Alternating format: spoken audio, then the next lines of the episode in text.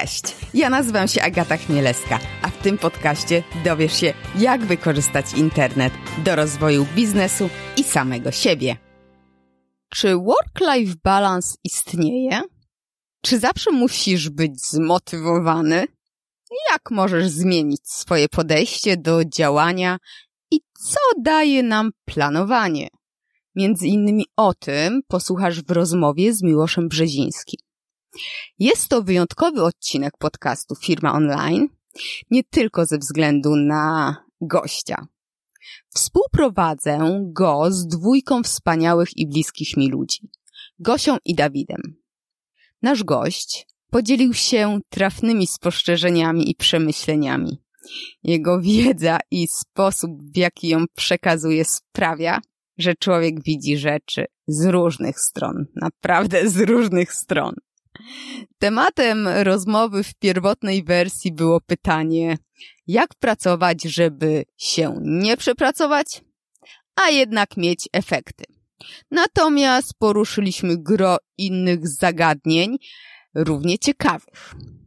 I jeśli czasem masz wyrzuty sumienia, że na przykład leżysz i nic nie robisz, albo na przykład nie wiesz, jak odciąć się od atakujących zewsząd informacji i przewijasz e, wall na Facebooku. Bądź też na przykład nie widzisz celu, jaki ma planowanie. No to cóż, nie mam dla ciebie innej rady, jak tylko poradzić, abyś posłuchał tej rozmowy. Przy okazji chciałam podziękować Gosi Dawidowi za wsparcie w organizacji tej e, rozmowy oraz w zadawaniu celnych pytań. Tobie z kolei bardzo dziękuję, że słuchasz tego i mam nadzieję, że posłuchasz całej naszej rozmowy i wyciągniesz z niej tak samo dużo, jak my wyciągnęliśmy. Dziś jest wyjątkowy odcinek. Mam przyjemność współprowadzić ten odcinek właśnie z Gosią. Cześć wszystkim. I Dawidem. Cześć. A naszym gościem jest pan Miłosz Brzeziński, autor świetnych książek. Dziękuję. Tak, doradca w zakresie efektywności osobistej i społecznego zrozumienia zjawisk psychologicznych. I jeszcze tam trochę bym mogła y, mówić, mówić, bo, bo dużo jest i wspólnie porozmawiamy o tym, jak y, pracować, aby się nie przepracować, ale y, mieć także y, efekty i osiągać nasze cele. Dzień dobry. Dzień dobry. Dziękuję za tę miłą introdukcję. Dziękuję też w imieniu książek. Czasem się mówi, że książki są mądrzejsze od swojego autora. Ja to szczerze wierzę. Mam nadzieję, że nie będzie widać. Nie, mam nadzieję, że też pytania są proste, temat przyjemny. A co dobrego u pana słychać? Dziękuję. E, staram się balansować rzeczy, które się zmieniają, z rzeczami, których się trzymam, żeby się nie zmieniały, w takiej proporcji, żebym miał się od czego odbić. Um, I myślę, że robię to lepiej niż kiedykolwiek. A u Państwa? E, dobrze, bardzo dobrze. E, ja właśnie teraz sobie odpoczywam, bo czasem trzeba. Fajnie, ładna pogoda, więc wszystko dobrze. U mnie również znakomicie. Również staram się balansować pomiędzy tymi różnymi rzeczami, które są czasem trudniejsze, czasem łatwiejsze, ale myślę, że dobrze to wychodzi. A ja po prostu, po prostu sobie żyję. Co tu Czy nie to nie najmądrzejsza opcja. tak, po prostu być tu i teraz. E, no właśnie, a jak pracować mądrze, żeby się nie przepracować, ale właśnie osiągać te efekty i żeby ten taki słynny e, work-life balance chociaż próbować e, osiągnąć? No to jest sroga presupozycja. Poddajmy to dyskusji. Bo ja jestem zdania, że to w ogóle w równowadze nie powinno być. Tak. Że równowaga to jest jakiś dziwny pomysł w ogóle. Pojawił się, jest to pomysł utopijny, choć jakby powiedzieli filozofowie, patrzenie na świat bez mapy utopii jest patrzeniem bez sensu, więc my musimy tę utopię sobie tam budować. Ale wydaje mi się, że jak ktoś się nie upierdzieli, to do niczego nie dojdzie.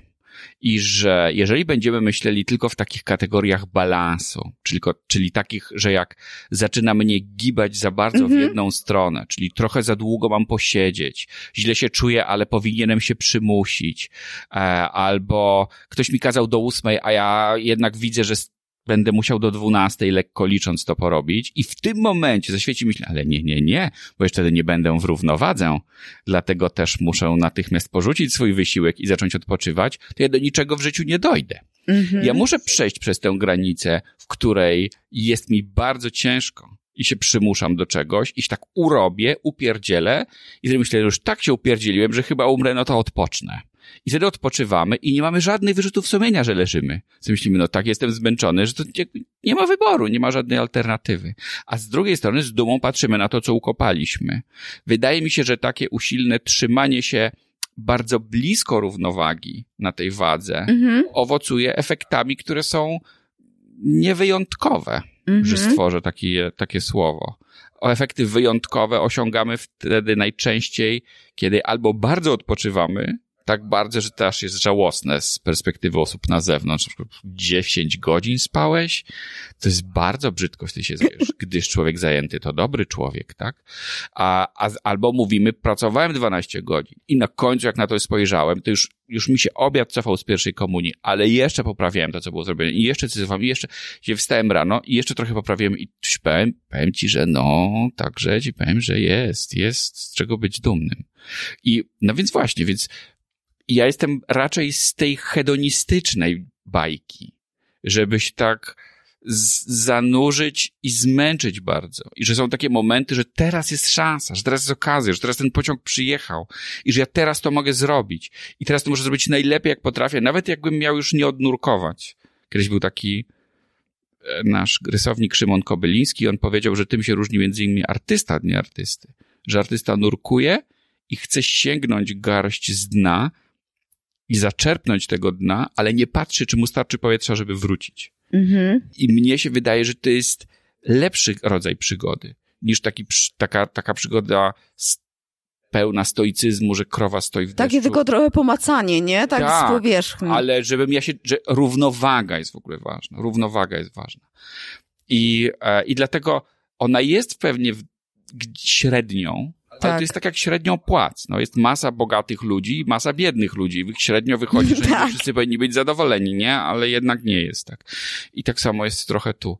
Więc lepiej, jak my się tak uwalamy czymś. Wy, wydaje mi się, że każdy ma w życiu takie doświadczenie, że się tak urobił, na przykład sprząta w domu, sprząta, już posprzątał, ale jeszcze krzesła dostawia, ale już nie ma siły, ale zobaczył, że w zlewie brudno, więc się czołga do tego zlewu, urobi tam te naczynia w tym zlewie i coś tak się usiądzie, tak mówi, dobra, teraz chcę coś obejrzę. I to jest inne oglądanie Tak. niż takie oglądanie, kurde, powinienem coś zrobić, ale se obejrzę najpierw, to tak sobie jeszcze troszkę odpocznę, nie? Człowiek ogląda, a tam go ten robak zwątpienia drąży, że, że jednak się nie, nie, nie, za, nie zmęczył, żeby zasłużyć na to, co, co jest, jak, jak wy macie, jakie wy macie doświadczenia? Mnie bardziej zastanawia, e, zanim przejdziemy do doświadczeń, mnie bardziej zastanawia, skąd w ogóle w takim razie ten e, mit work-life balance mógł się wziąć? W sensie, czy to jest e, takie atrakcyjne dla ludzi, że, żeby właśnie nie dążyć do tego przepracowania, czy Albo amerykańscy naukowcy. właśnie To tak dzisiaj słuchałam pana audiobooka i tam właśnie Tak, mówił pan o... Nie wiem, skąd to się wzięło. E, nawet nie będę udawał, że potrafię to wyrzeźbić. wyrzeźbić. Nigdy tego nie, tra- nie tropiłem.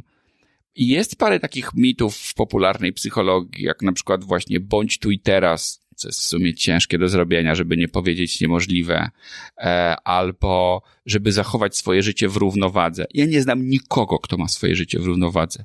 Od osób, które podchodzą do tego bardzo spontanicznie, po osoby, które zawodowo zajmują się swoim życiem w równowadze.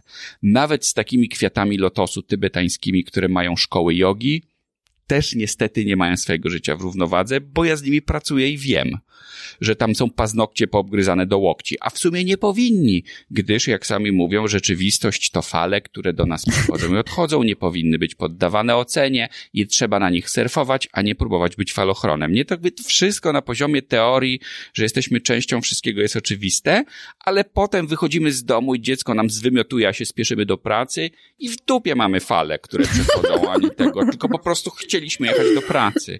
Wydaje mi się też, że takie życie jest po prostu ciekawe, ciekawsze, takie, że nam na czymś zależy w tym życiu i że chcemy coś zrobić. My też szukamy ludzi, którym na czymś zależy, mają pasję, coś chcą, a nie chcą, ale w sumie to jest im wszystko jedno. Tak? Ktoś nam, zróbmy taki folder.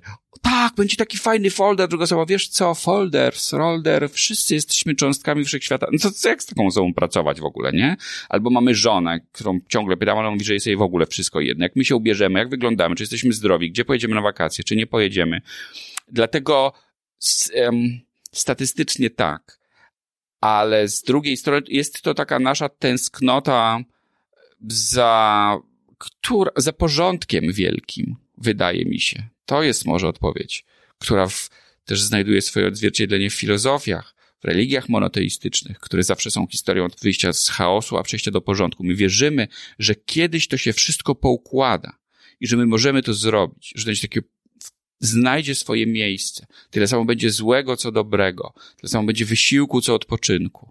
Nie? Podczas gdy okazuje się, że jeżeli to wszystko zagęścimy w ciągu jednego dnia, to wcale jakoś tak super fajnie nie wychodzi. Jak za dużo odpoczywamy, to nas nosi. Jak za mało odpoczywamy, to możemy, żeby chodzić do kina. Jak pójdziemy trzy, na trzy filmy pod rząd, to już nie chcemy chodzić do kina, tak? To już, to już nam się przejada ten odpoczynek, nie? E, dlatego mm, my też mówimy czasami w takim myśleniu o rozwoju osobistym, że człowiek powinien się trochę przymuszać. Że to nie bardzo, ale trochę. Że, po, że powinien wkładać ten wysiłek, bo to wtedy dopiero sobie dostarczamy satysfakcji. Więc jeżeli mamy się w ten sposób bujać tak na wahadle, a po środku jest ta równowaga, ale najpierw wyjeżdżamy na maksa w jedną, a potem na maksa w drugą, to wydaje mi się to bardziej sensowne niż taka idea, że to wahadło da się gdzieś zatrzymać i my w takim będziemy sunąć jak taka kaczuszka na tafli jeziora, że pod spodem te nóżki tak napierdzielają, ale na górze jest taką stabilność żyroskopu, nie? No. Okej, okay, ale ja właśnie mam takie wrażenie, że my nie potrafimy e, utrzymać tej takiej, tego wahania, że albo faktycznie jak już w, na maksa pójdziemy w pracę, to idziemy i tacy ludzie w ogóle, ja jestem takim przykładem, że nie umieją odpoczywać, że już nawet jeżeli jest ten czas na odpoczynek, to nie wiadomo, ale co ja lubię robić, Dzisiaj na przykład odpoczywam, bo wiem, że nie będę miała czasu na pracę i podeszłam do tego, że jest super, tak, że rozmawiamy yy, i sobie pozwoliłam na to, ale takich dni w roku jest bardzo mało, a z kolei znam ludzi, którzy, yy, no, Netflix, gry i w ogóle tylko chodzić do pracy, 15 i po pracy w ogóle zero takich jakichś ambicji, żeby coś więcej zrobić, nie? I tak sobie po prostu żyją i, i właśnie. osoby, które nic nikomu nie robią, a sobie po prostu są, to nie jest jakiś wielki społeczny dramat. I my nawet nie wiemy, czy te osoby lepią, robią lepiej czy gorzej. Jest oczywiście spora grupa takich osób, która po prostu musi coś robić, bo, bo je nosi.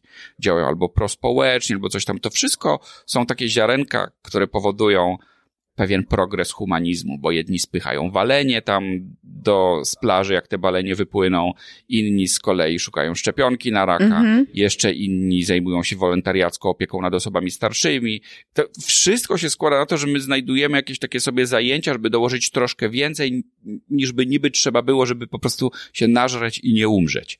I my raczej do tego się skłaniamy, żeby każdy dołożył troszkę, ale to nie musi być w skali globalnej. nie muszę jechać mm -hmm. ratować słoniki w tan słoników w Tanzanii. Mogę na przykład zrobić coś na swoim własnym podwórku, co wbrew pozorom jest lepsze niż jechanie do Tanzanii, bo my najwięcej możemy zmienić lokalnie. Choć wydaje nam się, że to jest lepiej wysłać masę pieniędzy do Tanzanii, mm -hmm. tam też można jechać, ale dopiero jak próbujemy coś zmienić lokalnie, to widzimy, jak mało każdy z nas może zmienić. Tak. Jak to naprawdę niewiele robi. Jak to się wszyscy tak muszą po troszku takim swoim małym świńskim truchtem do, do, do tego dorzucić, żeby zadziałało. My jesteśmy bardziej sytuacyjni niż tacy mhm. ustabilizowani, że to sytuacja nami bardzo miota. Tak. I to, do tej sytuacji zaliczamy na przykład stan zdrowia. Niektórzy się słabo czują. No i nie mogą się przemóc. My mówimy, weźcie trochę zmuś, a oni akurat nie wylosowali takiej kondycji psychofizycznej, już nie mówiąc o tym, że o nią nie zadbali, ale w ogóle nie wylosowali. Mhm. Ktoś może się urodzić z tak słabo responsywnym układem nerwowym, że po prostu nie rozumie, o czym my do niego rozmawiamy. Bo po prostu taki jest. Kiedyś mówiono, że e, jest taka grupa osób w chronopsychologii jak skowronki, czyli że tak. rano wstają tam bez zegarka, to jest czwarta, piąta, szósta, pracują, ale o 22 im się odcina prąd z mózgu w ogóle jest pozamiatane, ślina, śpimy. E, są też sowy, czyli że wstają później, koło dziewiątej, ósmej bez budzika, za to mogą siedzieć do drugiej. Mówiono ładnie, że świat należy do sów, bo sowy mogą wstać wcześniej poturbuje je to trochę mentalnie, ale jednak mogą się zmusić. Natomiast skowronek do siedzenia w nocy po prostu nie ma opcji. Jeżeli ktoś ma w domu skowronka i próbuje z nim oglądać wieczorem seriale, to wie o czym mowa. Tam się zaczynają napisy i jest od razu chrapanie. Tam nawet czołówka jeszcze nie poleciała. To po prostu taka osoba nie może się przemóc. Ale jest też trzecia grupa osób, która jest po prostu literalnie zmęczona cały dzień. I oni nie mają tego piku w ogóle. Ani rano, ani po południu, tylko takie średnio przez cały czas nie znaleziono dla nich nazwy, która nie byłaby uwłaczająca. A niedźwiadki, takie zimowe niedźwiadki. No więc właśnie, tam było dużo leniwce i tak dalej, i tak dalej. Więc wiele osób się ucieszyło, że wreszcie zostało nazwane coś, za co wszyscy ich wyzywali do tej pory. Ale to pokazuje, że my to też musimy wziąć pod uwagę, że niektóre osoby się po prostu takie rodzą i one takie są. I mogą oczywiście te osoby aktywne też niektóre pożytkują swoją energię. Złe, źle są proaktywne, są na przykład dealerami narkotyków. To, to też jest często czynnik środowiskowy. Tak. Bo one nie miały jak inaczej wypłynąć w swoim otoczeniu. Chciały mieć jakiś status społeczny, zaistnieć i tak dalej, ale urodziły się w takiej okolicy, gdzie była to dosłownie jedyna możliwość, żeby się zadziało. Gdyby się urodziły w, okolicy spadochroniarzy, być może zostaliby spadochroniarzami albo kim innym, albo kim innym, nie? Ale akurat miały po prostu pecha. E, w związku z tym to jest druga historia, że nas sytuacja bardzo zmienia. Zmienia nas partner, narodziny dziecka nas zmieniają, także my już nigdy nie jesteśmy tacy, jak byliśmy do tej pory. Mm, I nie, możemy tego nie chcieć, ale to się po prostu zadzieje. I dlatego my w historii świata tę sytuację nazywaliśmy, a w zasadzie próbowaliśmy ogarnąć taką ideą pracy nad własnym charakterem. To znaczy, że jest jakaś sytuacja i coś się dzieje, ale ja też wiem i jestem odpowiedzialny za swoje życie. Jakbym chciał, żeby ono mniej więcej wyglądało według na przykład stanu wiedzy -hmm. na mhm. jakiś temat i próbuję przepchnąć to trochę w tym kierunku. Czyli jeżeli ja się zapracowuję, to wiem, że powinienem przestać. Znaczy, są takie momenty, że ja się zapracowuję, i, i siedzę tam, załóżmy, nie wiem, miesiąc albo coś tam, bo to niektórzy mają takie strzały, co że im się firma dobrze kręci i tak dalej, i tak dalej, ale ja też wiem, korzystając z doświadczeń innych ludzi, że wiele mi z życiu, w życiu z tego powodu odpadnie. Na przykład zdrowie mi odpadnie. A jeśli mi zdrowie odpadnie, to nie będę mógł dalej robić tego, co robię teraz, no bo ciężko funkcjonować tak. z mózgiem w słoiku. E, rodziny mogę nie mieć dalej. Rodzina jest jednak ważna, czy najbliżsi znajomi, ludzie dookoła bliscy są ważni, bo oni nieźle rozpuszczają nasze troski. I wiem, że mnie będzie coraz ciężej, im bardziej będę sam zostawał. Więc trochę jak śpiewa Natalia Kukulska, bardziej to czuję niż wiem, że powinienem pracować, ale jednak więcej mi mówi serce niż mędrca szkiełko joko. Znaczy, ja, ja, ja, ja, muszę się trochę do tego szkiełka joko też prze, przestawić w, i wiedzieć, że ja muszę odpocząć. Mhm. Czyli, że ja muszę mieć taki moment w ciągu doby. Pomimo tego, że moja głowa mówi, że nie. To jest jak z alkoholizmem. Ja mówię, daj spokój, dziś są imieniny, to można, a jutro imieniny ani tam, ani moje, ani twoje, czyli też pijemy, nie? I tak ja wiem, że czuję imperatyw, ale druga część mnie mówi, że to nie jest dobry imperatyw. I e, nie chcę budować następnej części do tego, ale to nie jest oczywiste w naszych czasach, bo my żyjemy w czasie etyki autentyczności. Czyli jak ja coś czuję, to to jest na pewno dla mnie dobre. Otóż to nie jest prawda. Jak ja coś czuję, to się powinienem najpierw zastanowić, czy jest dobrze, że ja to w ogóle czuję. Czy ja powinienem dać temu upust? Czy ja powinienem właśnie przestać teraz, choć wiem, że dobrze idzie, wiem, że jest fajnie, wiem, że jest w porządku, ale też wiem, że człowiek powinien odpocząć. Po prostu albo że powinien popracować, jak mi się chce cały czas odpoczywać. I teraz bez względu na to, gdzie mnie tym wahadełkiem tak. bujnie, bujnie, to ja wiem, że powinienem odpocząć wcześniej. Tak, że, że w, w, jakimś momencie, że powinienem sobie zrobić urlop, że statystycznie na przykład raz na jakiś czas trzeba wyjechać, bo zmiana otoczenia, choćby tego, na co się patrzy, buduje kreatywność. I praca nad własnym charakterem polega na tym, że nie wszystko, co ja chcę, to się dzieje. Tak? I że, że ja po prostu się zachowuję tak, jak bardziej trochę tak jak powinienem. Mhm. Czyli nie tłumaczy mnie tylko sytuacja. I nie mówię, no co możesz, jak nic nie możesz. Tylko mówię, że tak, tak, tak, ale jednak ja już długo nie odpoczywałem i zanim przypierdzielę w ścianę, a widzę, że jadę w ścianę, jak ZUS, to wiem, że zanim przyłożę w tę ścianę, to jednak powinienem sobie zrobić przerwę, zanim to się stanie. Bo jak uczy nas medycyna, łatwiej zapobiegać niż leczyć. Tak jak już coś się zepsuje, to już jest, rekonwalescencja jest o wiele dłuższa. I, I tej pracy nad własnym charakterem nic nie zastąpi. Nie da się tego ominąć, dlatego że otoczenie nas po prostu zajedzie. Każdy ma pomysł na agendę, którą my powinniśmy w ciągu dnia wypełniać. No. Gdy dostrzeżemy ten imperatyw, że się przepracowujemy, że jednak czas już odpocząć, no to tak właściwie e, jak odpoczywać? Czym jest ten stan odpoczynku? No na pewno sen, ale czy wyjście ze znajomymi, kiedy tam też są jakieś normy społeczne, trzeba się jakoś zachować, zachować pewne konwenanse, posłuchać kogoś, dopytać, co u niego, no czy to też e, jest odpoczynek, w sensie, który stan odpoczynku jest faktycznie takim odpoczynkiem, który nam pozwala pracować więcej? Ten, co my byśmy chcieli, żeby był, tak o, odpowiadając najprościej. A pytanie jest bardzo celne, bo odpoczywanie jest trudną czynnością i my się mm, często jej uczymy, nierzadko całe życie, a często nie mamy w ogóle od kogo. Bo u nas nigdy odpoczynek nie był uważany za coś, czym się można pochwalić ktoś długo śpi, to się nie chwali, że długo śpi, chyba że śpi mało i ciężko, to wtedy mówi, że mu jest źle. Jak ktoś jest chory, no to też za bardzo, chyba że jęczy, no to tam może liczyć na jakąś życzliwość. Ale ogólnie, jak ktoś poetystyk, no, kobiety mówią, tak, co ja tak usiadłam, zapomniałam o czymś, tak? W związku z tym to jest trudna czynność w ogóle, jak jazda na rowerze, to nie, nie jest coś, co przychodzi nam automatycznie. Najpierw w pierwszej kolejności powinniśmy się zregenerować. I to jest podstawowa zasada. Powinniśmy zjeść, na im lepsze jedzenie nas stać, tym lepiej. Jedzenie powinno być zdrowe i smaczne. Nie musi być pyszne. Trochę się w tym zagalopowaliśmy. Jedzenie nie jest od tego, żeby było mega pyszne. Jak zaczynamy jeść jedzenie, które jest mega pyszne, to to może być podejrzane. No, jedzenie najczęściej nie chce być jedzone. Nie wiem, czy się pokapowali. Zwierzęta nie chcą być jedzone i sałata też nie chce być jedzona. Myślę, że takim wzorcowym przykładem jedzenia, w którym się zagalopowaliśmy, lubię ten przykład, jest sałata lodowa. Sałata lodowa jest pyszna ona w ogóle nie jest gorzka. Jest jednocześnie tak niczym, że nie nadaje się nawet na jedzenie dla królików. Po prostu nic nie ma. W związku z tym powinniśmy kupować sobie. Jedzenie jest też zjawiskiem społecznym przy okazji, więc jak zaczynamy wchodzić w diety restrykcyjne, że nie jem jednego, to, tak mi się to podoba, że potem nie jem drugiego, tak mi się to podoba, że też gluten, białko, laktoza, co tam się jeszcze, czego można nie. Szybki cukier, no to to akurat jedyna sensowna dieta, która funkcjonuje, albo nie, bo nikt nie, ale tam różne rzeczy nie jemy, to i, i tego nam dochodzi, to to już nie jest dobry pomysł, bo to nam odejmuje przyjemność z jedzenia. Jedzenie powinno być zajebiście dobre najlepsze, na jakie nas stać. I spać powinniśmy ile tylko się da. Jak nam tylko się zachce trochę spać, a akurat odpoczywamy, musimy spać do oporu. Nie da się spać za dużo. Wbrew potocznemu sądowi. E, sen jest zjawiskiem, który mózg musi podtrzymać. Jak się tym zmęczy, to po prostu się obudzimy. To nie jest coś takiego, że ktoś wykopuje wtyczkę i my leżymy, tam, tam ślina nam leci, nam rodzina nam obciera i po prostu ktoś nas musi defibrylatorem. Nie, nie, nie. To musi być, ten proces musi być trzymany. I to wtedy się zaczyna, jak my się obudzimy i czujemy, że nas nosi, a jeszcze nie musimy iść do pracy, wtedy się zaczyna zabawa. Wtedy tak, mamy zasoby, żeby posłuchać, że ktoś ma jakiś problem. Mamy zasoby, żeby być zainteresowani cudzym życiem że ktoś coś zrobił, o, jak se z tym poradziłeś, co zrobiłeś? On mówi tak, no, bolał mnie ząbek, bolał mnie ząbek, oj, oj, oj, oj, oj, i on się to od razu lepiej czuje, tak? Możemy znosić cudze cierpienie.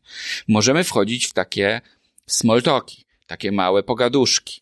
Czyli, że zaczynamy od prostych rzeczy, typu na przykład nie mogłem znaleźć miejsca parkingowego i to takie jest smutne, a my wtedy wchodzimy poziom głębiej, czyli na, na przykład przychodzi nam do głowy, żeby go zapytać, hmm, ale ty jesteś taką osobą, która w ogóle nie lubi, jak ktoś mu coś nakazuje i ogranicza, lubisz tak czasem zaparkować w takim miejscu, gdzie nie wolno, nie? I z tego small talku robi się coś głębszego. Na to wszystko trzeba mieć zasoby. Więc my potrzebujemy podwójnej ilości odpoczynku. Nie tylko, żeby się wyspać, ale żeby się wyspać i jeszcze, żeby nam zostało. To jest dopiero hardcore. Więc dziennie i dobowo to tego jest potrzeba całkiem sporo. Niestety problem polega na tym, że my jesteśmy przemęczeni w ogóle pracą, tak? Ani nawyk odpoczywania nie jest, nie wydaje się etyczny, ani nie mamy się od kogo nauczyć, a jak wracamy do domu, to jesteśmy zmęczeni, nie? I tam myślimy, że obejrzymy jeszcze jeden odcinek i w sumie się umyjemy i pójdziemy spać. Potem stwierdzamy, że w sumie wczoraj się myliśmy odcinki i pójdziemy spać i idziemy spać załóżmy o trzeciej, a wstajemy o ósmej, to jest za mało spania. My powinniśmy spać około 8 godzin na dobę, przy czym można to zrobić na raty, czyli na przykład pospać sobie 7, a potem półtorej dospać w ciągu dnia. I nad tym warto pracować cały czas. Oczywiście są osoby, które mówią, że jak pośpią, to się potem źle czują. Są takie badania, które pokazują, że w przypadku prawie wszystkich to jest tylko pierwsze pół godziny po tym, jak się obudzimy. Czyli pierwsze pół godziny jest takie sobieśne, ale ten moment później jest o wiele bardziej efektywny. Nam szybciej przychodzą rzeczy do głowy. To jest takie drugie rano. Tak, takie, bo jeżeli się nie zdrzemniemy w ciągu dnia, tam w tych godzinach od 14 do 16, które są takie najbardziej do spania przeznaczone, to potem każda kolejna zaczyna, zaczyna się rozciągać. Coraz dłużej robimy sobie kawę, nie możemy się zabrać, przeglądamy tam media społecznościowe, bo nie powinniśmy wstać, ale nie mamy siły tego zrobić, i tak dalej, i tak dalej. I to jest praca nad własnym charakterem, bo oczywiście jest masa zajęć i osób, które mają pomysł, co my powinniśmy robić od tej 14 do 16. I dlaczego to nie jest taki dobry pomysł? Dlatego praca nad własnym charakterem jest, jest przymuszaniem się do pewnego sobie, jest wysiłkiem, który my wkładamy. I bez tego wysiłku po prostu życie nas zajedzie. Ono i tak nas w sumie zajedzie, ale później. Natomiast tak nas zajedzie w taki sposób, że my podejmujemy jakąś walkę i dlatego uczymy się asertywności, na przykład wobec dzieci, żeby dzieci nie mówiły, żeby je we wszystkim wy wyręczać. Uczymy się asertywności wobec partnera, żeby wiedział, że są takie rzeczy, które możemy my mu dać, ale o są takie, które on musi sobie dać sam. Niestety, jeżeli nie wyniósł z tego z domu, to nas czeka ciężka walka. Jeżeli będzie, będzie uważane przez naszego partnera, że jego nuda jest winą otoczenia, a nie stanem jego umysłu i pretekstem, żeby coś zrobił, to będzie nam ciężko w tym związku. No ale tam ludzie se radzą. Musimy swojego pracodawcę też ochronić przed jego własną chciwością, bo biznes jest z natury chciwy i po prostu będzie pracodawca chciał więcej. Biznes ma najczęściej strategię nowotworową. Tak, bez względu na to, co my o biznesie powiemy, to najczęściej uczy chciwości. Czyli co sprzedajemy? Zaczynamy się zastanawiać, czy klient to kupił, czy nie, a nie czy potrzebował. Jak ktoś wchodzi na stronę naszego sklepu w e-marketingu i wyjdzie z niej bez zakupów, to to jest strata. My nawet nie zastanawiamy się nad tym, że on może nie potrzebował tego w ogóle. Nie, nie, nie, nie, nie, nie. Może go nie stać na to, bo ma na leki. Nie, nie, nie, nie. To powinien był kupić i mamy zrobić co tylko się da i co tylko możliwe, żeby on te pieniądze wydał. A co one z tymi lekami, tam to już jest naprawdę nie, nie nasza sprawa. Więc my, i tu też widząc drugie dno tego wszystkiego, okazuje się, że jak sami się za własne życie nie zabierzemy, to nikt tego za nas niestety nie zrobi. I taki patent na to, że my będziemy tylko czekać, aż nas ten wózek albo ruchome schody gdzieś dopchają, to one nas dopychają w takie miejsce, gdzie my stękamy, ludzie nad nami ojczą, no i tam na koniec się ulega biodegradacji. Nie przeszkadzałoby nam to w sumie, poza tym, że jest nam smutno przez ten czas, no. Bo pewnie nie byłoby z tym problemu większego to jeżeli jesteśmy pchani przez ten wózek, to jak zauważyć, że jesteśmy pchani przez ten wózek, a jeżeli, albo jeżeli nie chce się z niego wyskoczyć, to jak z niego wyskoczyć? Nie chce z tego wyskoczyć, no to już nic nie poradzimy. No to jest, wiesz, jakby stary wątek z żarówką. Są tacy ludzie, którzy nie chcą, bo bycie pchanym przez wózek jest wygodne. Życie e, kapcia takiego tam kalafiora, pantoflarza jest wygodne. Tam wyjdzie śmieci, no wynosi śmieci. Mogę wyjść? Nie, nie możesz. No siedzi sobie. Idź do lekarza. No idziesz do lekarza, nie? To jest pozamiatane. To jest, e, to jest życie, które jest okej. Okay. Jak ktoś nie ma jakichś takich ambicji albo nie, na przykład nie lubi podejmować decyzji, to mi tak boli mnie ząb, co ja mam zrobić? Wtedy żona mówi, no, no do lekarza musisz pójść. A, okej, okay, dobra, to pójdę do lekarza, nie? idzie, albo nie ma obiadu, no to ja zrobię, no to zrobię, albo zrób, robię obiad. To jest problem, podejmowanie decyzji jest bardzo takim dużym spalaczem kalorii w życiu. Jak ktoś może się z tego, po, tego pozbyć, to wiele osób z tego kwapli, skłapliwie korzysta. Problem też polega na tym, że drugą osobę obciąża, czyli my nie możemy się na to zgadzać za bardzo, żeby ta druga osoba nas tak bardzo odciążała, bo to deformuje całe życie. Ta druga osoba też się robi zgorzkniała od tego, nie? Ten związek jest takim związkiem pustym, związkiem pozornym. E, więc, ale jeżeli my nie chcemy być pchani, to znowu wracamy do tego, że szukamy sposobów, jak z tego wyjść aranżujemy swoją pracę na tyle, na ile to możliwe, od której do której coś robimy. Oczywiście nie ma co wierzyć, że tam od razu wyjdzie. Wygląda na to, że wprowadzane najprostszej zmiany w życiu to jest lekko licząc 18 miesięcy. Nie jakieś tam 21 dni, coś tam. Nie, nie, nie. To jest tam piłowanie, żebym ja jadł co innego. Żebym ja przestał jeść coś tam, na przykład szybki cukier, żebym przestał jeść. Żeby, żebyśmy chodzili spać wcześniej. Żebyśmy um, co tam ludzie jeszcze robią. W każdym możliwym momencie wykorzystywali drzemkę. I to też nie będzie tak, że my nigdy nie zjemy cukru, zawsze pójdziemy spać, bo życie jest trudne, jak mawiał Antoni Piechniczek. I my mamy czasami dziecko chore, a czasami my chorzy, a czasami praca, a czasami jej nie ma, a czasami się coś drastycznego zadzieje, czego się nie spodziewaliśmy. No to tak, o jest, a czasami ktoś nas zagada i w sumie myślimy, czy iść spać, czy tak pogadać, bo jest miło ale statystyka ma być taka, znaczy ta tendencja nasza się liczy, że my z coraz większym prawdopodobieństwem zaczynamy robić to, co zamierzaliśmy.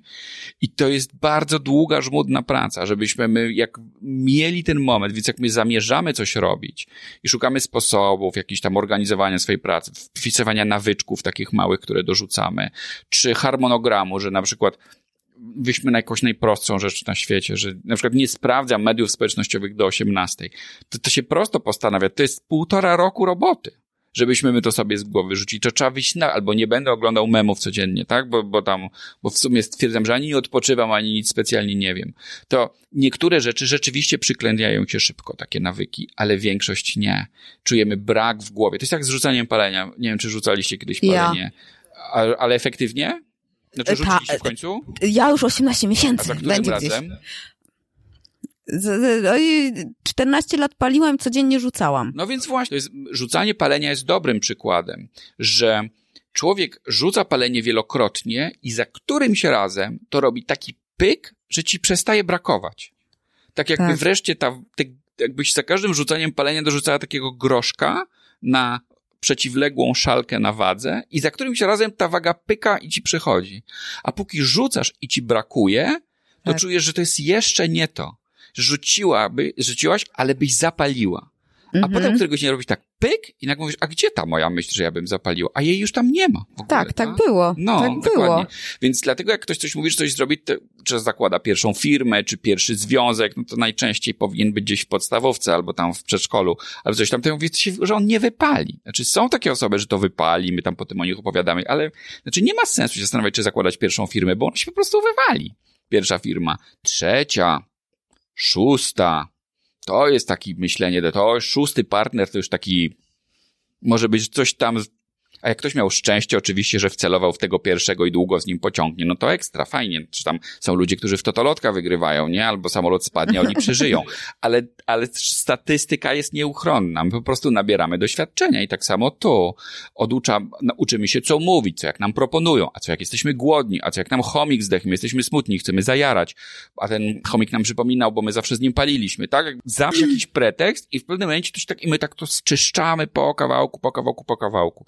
Dla Dlatego my też zbyt wielu zmian w swoim życiu nie możemy wprowadzić i najczęściej budujemy na tym, co mamy, ale wymyślamy sobie, co by to mogło być. Co by to mogło być? No i warto też sobie to cały czas powtarzać, tak? To jest taka nauka z kościoła, którą mamy. My musimy sobie cały czas powtarzać, że coś tam, coś tam, coś jest dla nas ważne. Niektórzy piszą na kartce, robią rano na przykład takie poranne strony, gdzie, gdzie nie tylko piszą, co im przyjdzie do głowy, ale piszą, co by chcieli zrobić. Taki dziennik, co jest dla mnie ważne dzisiaj. Tak jakbyśmy sobie wsiadając do samochodu, psiknęli na przednią szybę, żeby nam starło muchy i zostały tylko to, co jest ważne przed nami. Tak, żeby nie, to zwiększa prawdopodobieństwo, że nam się przypomni, co było dla nas istotne, bo my nie możemy myśleć o wszystkim naraz, wiele rzeczy nam przychodzi do głowy naraz, ale przydałoby się, żeby wśród tych wielu rzeczy zawsze były na przykład dwie te, które, nad którymi teraz aktualnie pracujemy. Teraz ważne jest dla mnie coś tam. No i oczywiście pracujemy takim sposobem innym, czasami pracujemy sami, potem zapisujemy się, żeby ktoś nam pomógł, potem czytamy książki, YouTube'a i tego w końcu jest tyle. Tak tym nasiąkamy, że takie robi pyk i, i nam przychodzi na drugą stronę. Tak? Zaczynamy powoli zbierać argumenty na przykład za niepaleniem. Mhm. Bo jak palimy, to niestety najczęściej zbieramy argumenty za tym, że palenie to w sumie lepiej nie rzucać, bo to jest szok dla organizmu. Nie wszystkim szkodzi, nie powoduje raka, tylko zwiększa prawdopodobieństwo. Ja wiem, bo ja to przez to wszystko przychodziłem, więc wiem, że tam jest bardzo, o, to człowiek może. A miałem takiego wujka, co on palił, przestał i umarł od razu. W ogóle super, dziewczyny do niego biegały i w ogóle było ekstra. Więc my zawsze zbieramy te argumenty, które z nami tak. filtrujemy to, co nam pasuje. Jest tak, tak, tak mamy konfirmacyjną strategię w głowie i odkąd zaczynamy nad tym pracować, to trzeba ten segregator drugi zbudować, taki, żeby on na tej drugiej szolce przeważył. I to zajmuje czas. Ale to nie będzie zmiana drastyczna. To nie będzie taka zmiana. Można pracować nad wszystkim, nad empatią, nad swoją otwartością, nad otwartością na nowe doświadczenia, nad chęcią do zmian, nad założeniem firmy. Nad wszystkim można pracować. I my to już mamy w historii humanizmu wszystko rozpisane. Tylko trzeba sobie wymyślić, co by to miało konkretnie być i sobie tak, i trochę się do tego przymusić. W efekcie powstaje taki nawyk, który jest bezmyślny. Ja już się nie zastanawiam, czy to jest dobry pomysł. Tylko tak w tym zatonąłem, że to ćwiczę. Na przykład stwierdzamy, że się będziemy uczyć angielskiego, bo coś tam. No to tam ćwiczymy codziennie, załóżmy po 15 minut. Na początku jeszcze pamiętamy, po co to robimy, a potem już po prostu tam wchodzi w nawyk i ćwiczymy co 15 minut i to trochę przechodzi w takie mycie zębów, czyli mam nadzieję przynajmniej. Nie, nie jest tak, że nie zasnę, jak nie umyję, ale czuję, że coś źle zrobiłem, że, że nie umyłem tych zębów. Tak samo tu. Ja nie jest tak, że codziennie będę się uczył tego angielskiego, załóżmy przez te 15 minut, bo mam jakąś apkę ściągniętą, ale jak się nie pouczę, to pamiętam, że, już, że, się, że się nie pouczyłem. No i że, to, że powinienem jednak bardziej się starać, żeby to się gdzieś tam zmieściło w ciągu doby. Ale jestem w stanie to zrozumieć, bo się źle czułem, a w ogóle to ktoś zadzwonił, a w ogóle to wczoraj był zupełnie inny dzień, bo się pociąg zepsuł i wszystko się opóźniło i tak. No to rozumiem. Ale jutro już spróbuję jeszcze raz to zrobić, nie? I to tak wtedy się tak po, powoli pracuje. No tylko trzeba się za coś zabrać, coś wymyślić, tak? Coś takiego, Chciałem powiedzieć, że to właściwie jest wszystko jedno, za co się zabierzemy, bo nasze poczucie sprawczości od tego zyskuje. Jak ja czuję, że ja w ogóle mogę coś zmienić, nie w skali 10-stopniowej z 2 na 8, ale z 2 na 4 na przykład, że mogę coś zmienić, to to już jest wszystko jedno. Jak mi się znudzi ten angielski, to mogę chcieć mieć ogródek a jak mi się znudzi ogródek, to mogę chcieć tam na przykład w rozmnażać wypławki, tak? To wszystko jedno, co mi przychodzi do głowy. Ale ja, ja, jak zaczynam nad sobą pracować, to się robi taki nawyk autodyscypliny. Myślę, że to jest ładne określenie. I ten nawyk autodyscypliny bardzo w życiu pomaga. Zdyscyplinowanym osobom po prostu jest łatwiej. One nie zawsze robią, ale mają więcej czasu na to, co by chciały zrobić.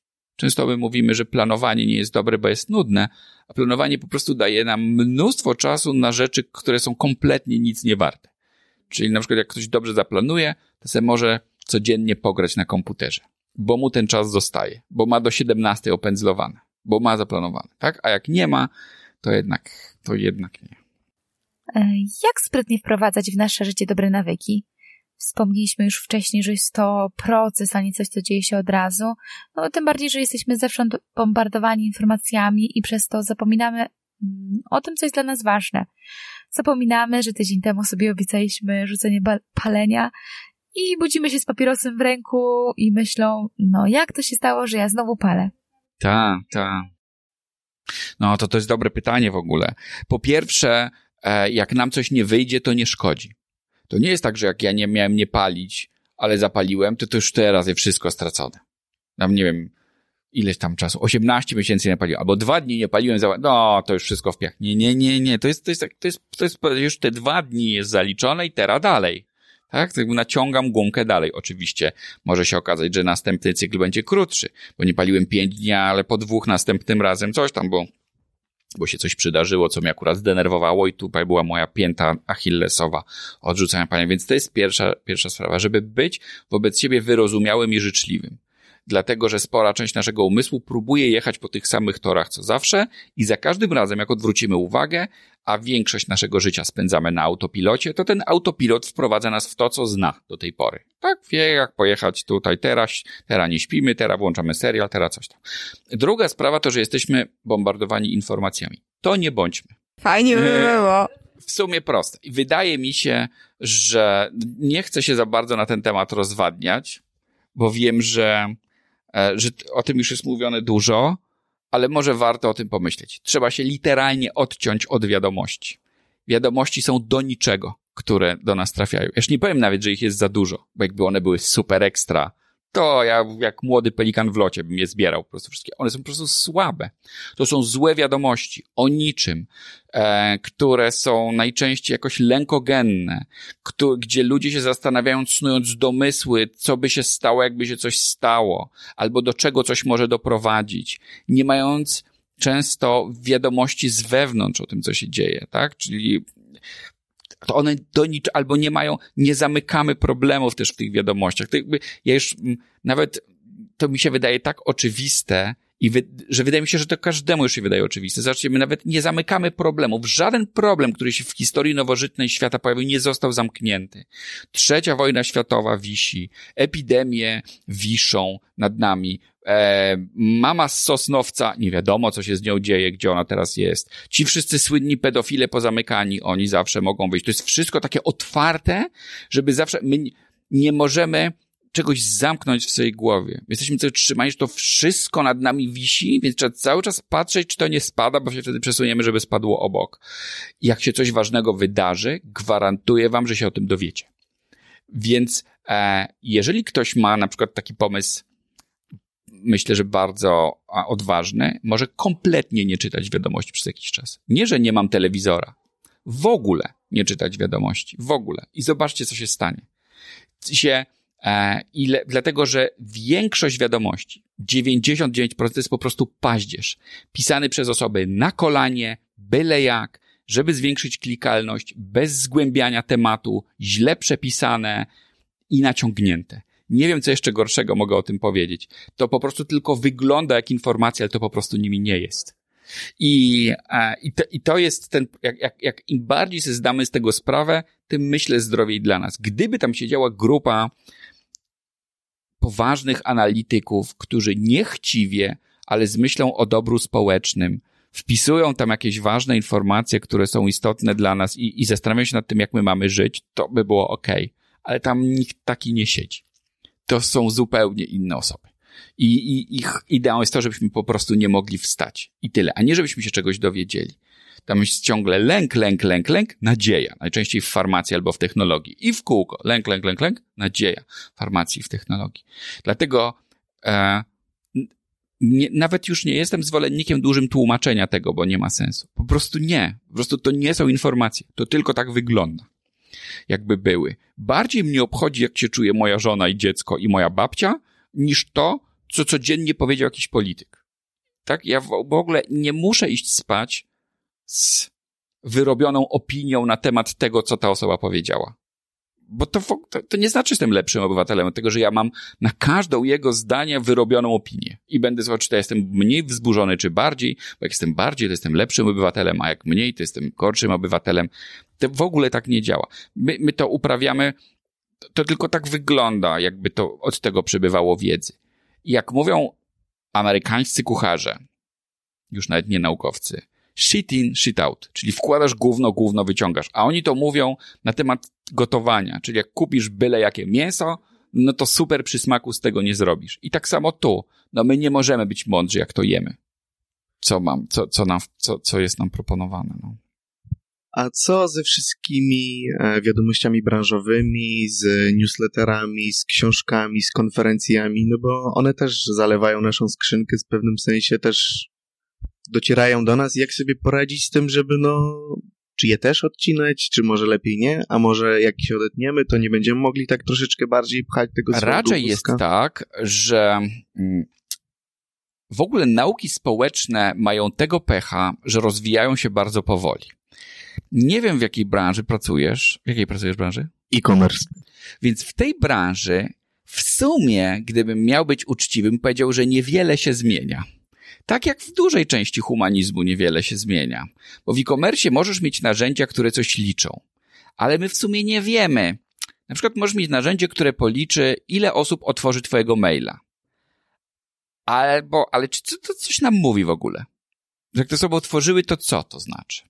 Że co my z tym możemy zrobić? Że my dochodzimy do takiego momentu w liczeniu, zwłaszcza, że, jak mówi Seth Godin, jak mamy narzędzia ogólnodostępne, to wszyscy liczą to samo. A jak wszyscy liczą to samo, to wszyscy grają na to samo. A jak wszyscy grają na to samo, to w sumie bez sensu jest iść w tą stronę. Że jak masz narzędzie, które coś liczy, to jest pierwsza informacja, że w ogóle nie powinieneś się tym zajmować. Bo wszyscy to narzędzie kupią i wszyscy zaczną zliczać otwieralność maili na przykład teraz, tak? Albo z Google Analytics zaczną a, nie wiem, na przykład szukać sposobu, żeby dotrzeć do osoby w sposób bardziej zindywidualizowany. A my mamy badania w psychologii, które pokazują, że im bardziej zindywidualizowany komunikat, tym bardziej cię on przeraża.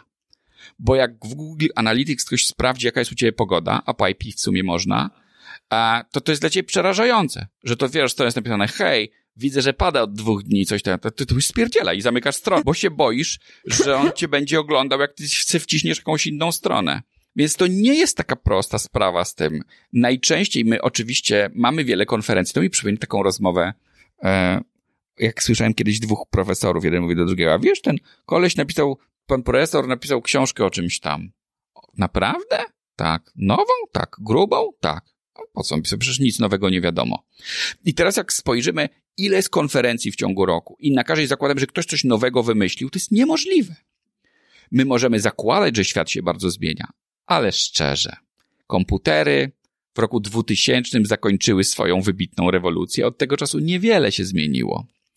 W kuchni od 50 lat nie widzieliśmy żadnego nowego urządzenia, a wtedy pojawiła się mikrofalówka. Wszystko wygląda tak samo.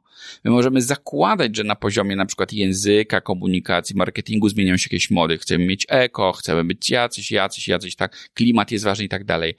Ale to jest tylko nakładka na rzeczy, które są w sumie ciągle takie same.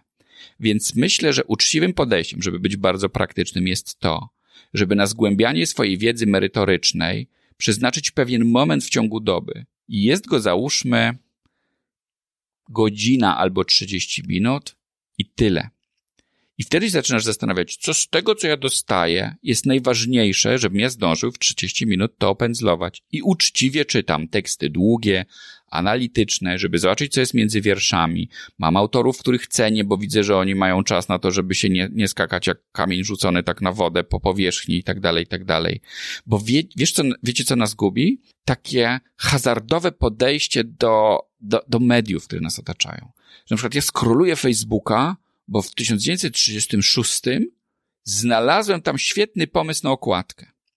To nieważne, że 5 miliardów godzin później nie znalazłem żadnego pomysłu, ale ten jeden ja pamiętam. Tak samo weź cały spam ze skrzynki od razu do kosza. Ale raz napisał do mnie kontrahent z projektem za 15 tysięcy złotych netto i to mi wpadło do spamu i mi przeleciało, nie? A to, że ja milion godzin ten spam śledzę, to w ogóle nie. Nie, ja ten jeden hazardowy moment pamiętam, że postawiłem na czarną czwórkę i wygrałem wtedy tak? I my się tego momentu boimy, choć on jest statystycznie kompletnie nieistotny. Więc równie dobrze mo moglibyśmy to zaaranżować w taki sposób, że produkujemy sobie inbox zero, czy produkujemy taki czas, kiedy zgłębiamy wiedzę, a poza tym mm, mm, mm, mm, mm. i najczęściej, bo o to już Gosia pytała, kiedy to ma się zadziać i jak to zrobić, w jakimś konkretnym momencie w ciągu dnia. W ogóle najlepiej rzeczy wprowadzać w ciągu dnia, jakie przykleimy do czegoś do czegoś, co już robimy, żeby one nie wisiały w powietrzu, tylko żeby były. Na przykład, jak dotykam tam stopą kapci, zakładając, że mam przy łóżku rano, to zrobię coś tam. A jak myję zęby, to zrobię coś tam. A jak mam zjeść obiad, to zanim pójdę na obiad, to zrobię coś tam. Zakładając, że codziennie chodzę na ten obiad czy na lunch, to zrobię coś tam. I na przykład to jest coś takiego, że zanim pójdę na obiad, po obiedzie nam się najczęściej chce spać, na przykład pół godziny przeglądam newslettery albo zrobię sobie jakiegoś RSS-a, albo zrobię sobie jakiegoś newsfeeda z rzeczami, które się dzieją, ale od razu odpadają te historie, które są miałkie. Bo pamiętajmy, że to jest wielki ból newsów 24-godzinny. Na świecie się po prostu tyle nie dzieje a na pewno nie tyle, co by nas obchodziło.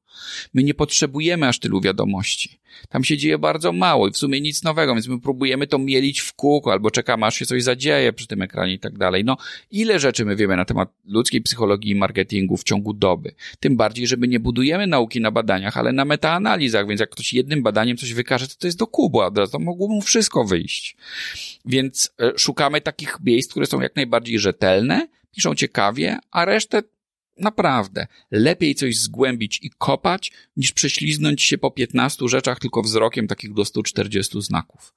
E, I, I to ciągle jest gdzieś w kontekście jesteśmy zalewani informacjami, to nie bądźmy, ale niestety człowiek jest tym, co je. No i shit in, shit out. Jak, jak, jakim byle co, to jestem byle czym. Jak ja dowiaduję się byle czego, no to ja byle co mówię. No. To jest taka rozmowa niezgłębiająca tematu. A z drugiej strony, jak sam powiedziałeś, artykuły, które muszą wychodzić regularnie, no bo przecież jak robisz newsletter, to musisz codziennie coś robić, tak? Duże firmy wypuszczają parę dziennie. Parę dziennie rzeczy to nie wiadomo na świecie, naprawdę nowych. To jest ciągle to samo. A jeżeli ktoś pisze parę dziennie, na przykład jeden dziennie, mów się, artystą to się bywa, a nie się jest. Więc jak tej osobie raz na kwartał wyjdzie dobry tekst, to to i tak jest wybitna osoba. Dziś Einsteina by wyrzucili z uczelni, bo on opublikował cztery teksty kluczowe dla współczesnej fizyki i w ogóle rozumienia świata, ale zrobił to za wolno. On musiałby to zrobić szybciej. I dlatego my też myślimy, jak ja codziennie dostaję na przykład vloga, no to ja raczej to traktuję jako informację od kolegi, a nie, że on codziennie dokonał wiekopomnego odkrycia, tak? Pokazuje, co zjadł, czego nie zjadł, albo pośmieszkuje, albo coś tam sobie pokomentuje wydarzenia. Tak jakbym z kimś pogadał, nie? Ale szansa na to, że tam coś nowego odkryje, to jest raz na pięć lat, dwa może. Naprawdę. Czy ja najbardziej śledzę konferencje HR-owe, bardzo e, pewnie teraz podpadnę, ale no tam nie dzieje się tyle nowych rzeczy. My a propos motywacji, to tam w 2005-2007 roku się czegoś dowiedzieliśmy, to jest cały czas permutowane, jest to samo. No bo, no bo my mamy nowego wiedzieć na temat tej motywacji? Człowiek się tak bardzo nie zmienia. Trochę się zmienia, bo kultura na niego narzuca, ale mm, więc możemy wymyślać już jakieś tam, że pokolenie X, Y, Z, Z, bon, jakiś to wszystko, ale to nie jest pretekst do robienia całej konferencji, żeby przewalać całą firmę od razu w związku z tym. Dlatego e, można spokojnie znaleźć z tego pewien kondensat źródeł, które wiemy, że są rozsądne, temat zgłębiają, są tam ciekawe opinie i przegryzione, niespieszne, niż takie crunchowanie cały czas czegoś nowego, bo tylko nowa informacja to ważna informacja muszę powiedzieć, że jeśli chodzi o humanizm, jest dokładnie odwrotnie. Stara informacja to dobra informacja. Się więcej można dowiedzieć z Marka Aureliusza niż z biuletynu dotyczącego najnowszych technologii w mediach, który ja dostaję też na skrzynkę codziennie. Tak patrzę i sobie mówię, wow, to się z tego dało urzeźbić cały artykuł. No, brawo, nie? Mm, a tam właściwie wychodzi, a, a, a, a u Marka Aureliusza jest na przykład napisane, nie wiem, coś tam takiego, że na przykład bez duchowości nie da się przejść cierpienia. Ja sobie myślę od razu, kurde, to jest, jak mam kryzys w firmie, to już wiem, po co jest misja firmy. A, ale to nie jest z tego newslettera. No tak, takie trochę e, prze, prze, trawimy cały czas to samo, nie? Przeżuwamy i to zwraca się i później znowu to połykamy i w tych wszystkich pismach i, i w ogóle portalach tak naprawdę to jest wszystko powielane. Tak, i to też wnosi dużo do życia naszego niepokoju, bo powtórzę tę myśl nieelegancką, biznes jest chciwy, czyli to nas, nas buduje cały czas, że my za mało tego tak. robimy. A ile ty zrobiłeś dzisiaj, wysłałeś maili w newsletterze? A i ty w ogóle newsletterów ile wysyłasz? Ile, nieważne ile powiesz, to jest za mało. Za, musisz więcej. Więcej to lepiej. Dlatego jak za, ile zarabiasz, no to też jest za mało. A ile produkujesz? No za mało niestety produkujesz, to jest za mało. A ile CV wysłałeś, żeby dostać? Za mało tych CV wysłałeś. Tak, za mało jest ogólną odpowiedzią na, na taką, dlatego mówi się tak mało elegancko, że największym wrogiem kapitalizmu jest człowiek szczęśliwy, bo jak my sobie zaczniemy się zastanawiać nad tym, czy my nie mamy czegoś tyle, ile już trzeba, to nie spotykamy się w marketingu ze zrozumieniem. Kule, co to znaczy? Albo jak powiesz, ja wyglądam tak jak trzeba, albo już mam wszystko, co trzeba. A ile masz biustonoszy? No trzy. No trzy. A mało. Powiedz, jakbyś miała czwarty. A? To już wystarczy tam co. No, więc albo jakie masz wymiary. No to cio, kobiety dobrze wiedzą. Kobiety akurat cały marketing kobiet stoi na tym, że one nie, nie mają w wymiarach tyle, ile powinny. To bez względu na to, czego się dojdzie, za rok już jest nie tyle. W związku z tym, czyli nieważne, chodzi o kostki, pęciny, kolana, brwi nie w tym miejscu. Cały czas jest coś nie w tym miejscu, co powinno, jak się pomierzy to centymetrem. I, to, i, i dlatego to nas wpędza w takie poczucie, zwłaszcza z tej perspektywy, że my się nie zastanawiamy, my się czujemy ciągle niezadowoleni. Do pewnego stopnia to jest okej, okay, bo trzeba być troszkę niezadowolonym, bo to nas motywuje do tego, żebyśmy jednak tę szyszkę w tyłek wsadzili. Ale to nie musi być płonąca szyszka od razu, tak? My nie musimy mieć od razu 50 razy więcej. Naprawdę nie umrzemy z góry, jak będziemy robić z satysfakcją, czasami, że, że, że to już może wystarczy. Dlatego czasami się mówi, najpierw zgro, e, widownię, a potem sprzedawaj produkt. Czyli dużo dobrego, jak najlepszego kontentu. To jest trochę jak sprzedawanie na ulicy. Ja rozstawiam skrzynkę, przykrywam szmatką to, co mam, mówię, panie i panowie, a teraz ciekawostka. Już coś tam. I ludzie się schodzą, schodzą, schodzą, a na końcu odkrywam i oto mam mydło. I dopiero im to sprzedaję, tak? Ale z drugiej strony sobie myślę o tym, że część osób może nie chce tego mydła. I ja jestem pełen szacunku, dlatego że to osoby nie chcą. Dla biznesu to jest nie do pojęcia, że ktoś może czegoś nie chcieć. Dla marketingu. On po prostu jak odszedł bez mydła, to jest źle. I to jest mój błąd marketingowy. Bo ja powinienem tak zrobić, jakbym miał kurwa nawet nerkę sprzedać, to to mydło weźmie, bo to już mnie nie obchodzi. Po prostu miał to zrobić. I, i tak samo tu. Wystarczy podobno według słynnego marke, marketingowego manifestu tysiąc prawdziwych fanów. Jeżeli tysiąc prawdziwych fanów wyda na ciebie 100 zł rocznie, to masz 100 tysięcy. Świat i ludzie, naprawdę.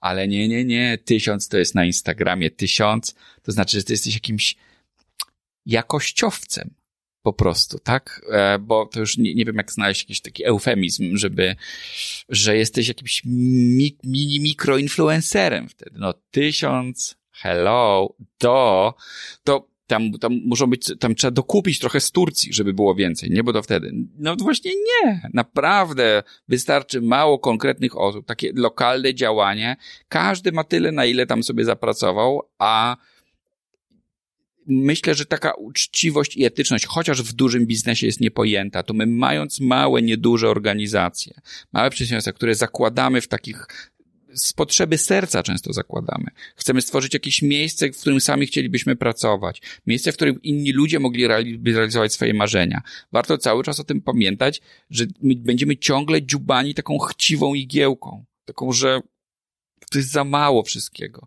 Że w końcu, jak, jak z Hobbita, wylądujemy na takiej hałdzie złota, której nie wydamy, bo przecież smoki nie chodzą do sklepu, będziemy tym siedzieć i cieszyć się, że mamy, nie? Tam i na końcu umrzemy. I to jest jakiś taki super pomysł w życiu, to jest w ogóle najlepsze, co można w życiu osiągnąć.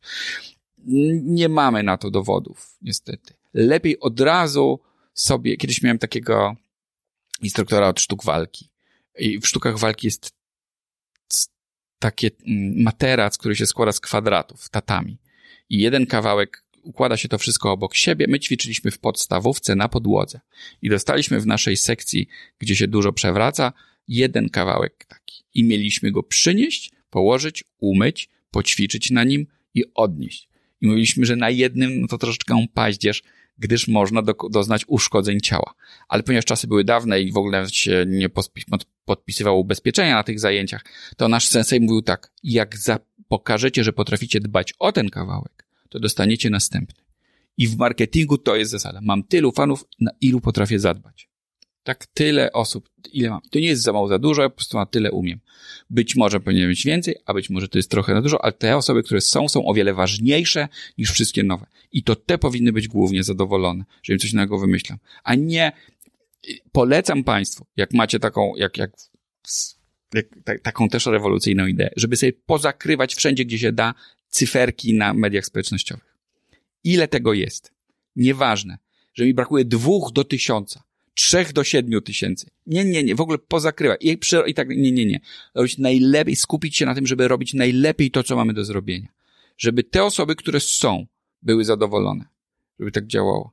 Dlatego, że ta chciwość cyferkowa powoduje w nas wiele niepokoju. Mamy na to badania z Izraela.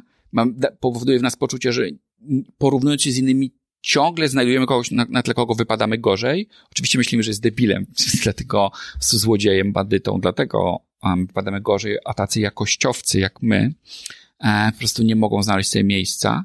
E, ale z drugiej strony te cyfry, one są zrobione dla zbudowania naszego niepokoju bardziej niż dlatego, żeby nam pomóc.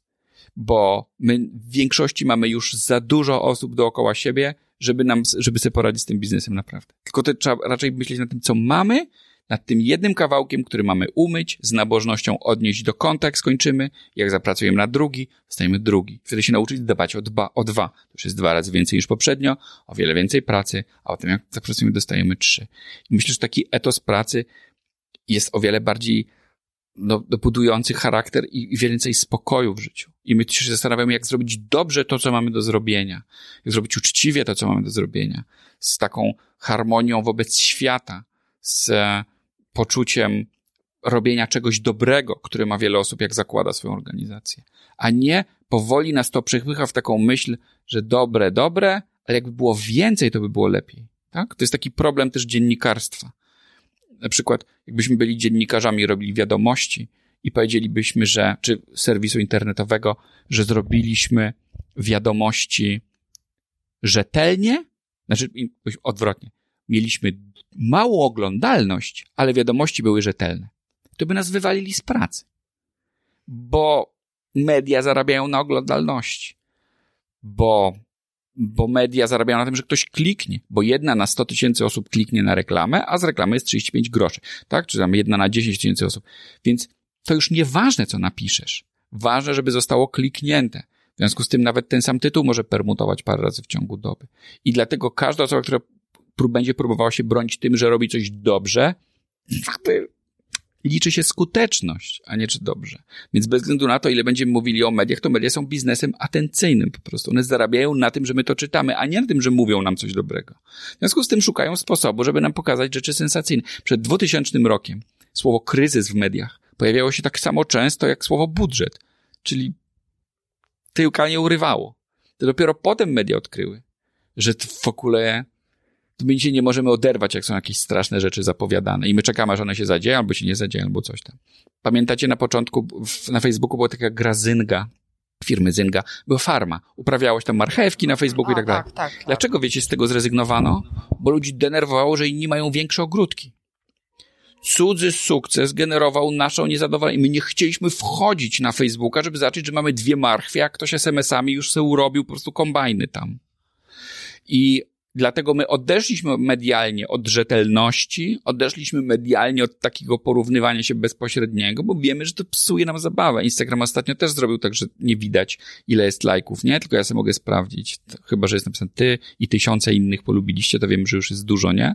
Ale to dlatego, jeżeli my na własny użytek co jest rewolucyjne. Myślę, ja wiem, że ludzie, którzy tam w Google Analytics po prostu gryzą to na prawo i lewo i męczą te liczby, aż te liczby się przyznają, uwielbiają to robić, ale zupełnie odwrotnie właśnie. Nie, nie, nie przez, nie przez tego, ile tam tego jest, tylko przez to, co ja, jak ja bym chciał, żeby to było super, czego, jeszcze nikt nie wymyślił.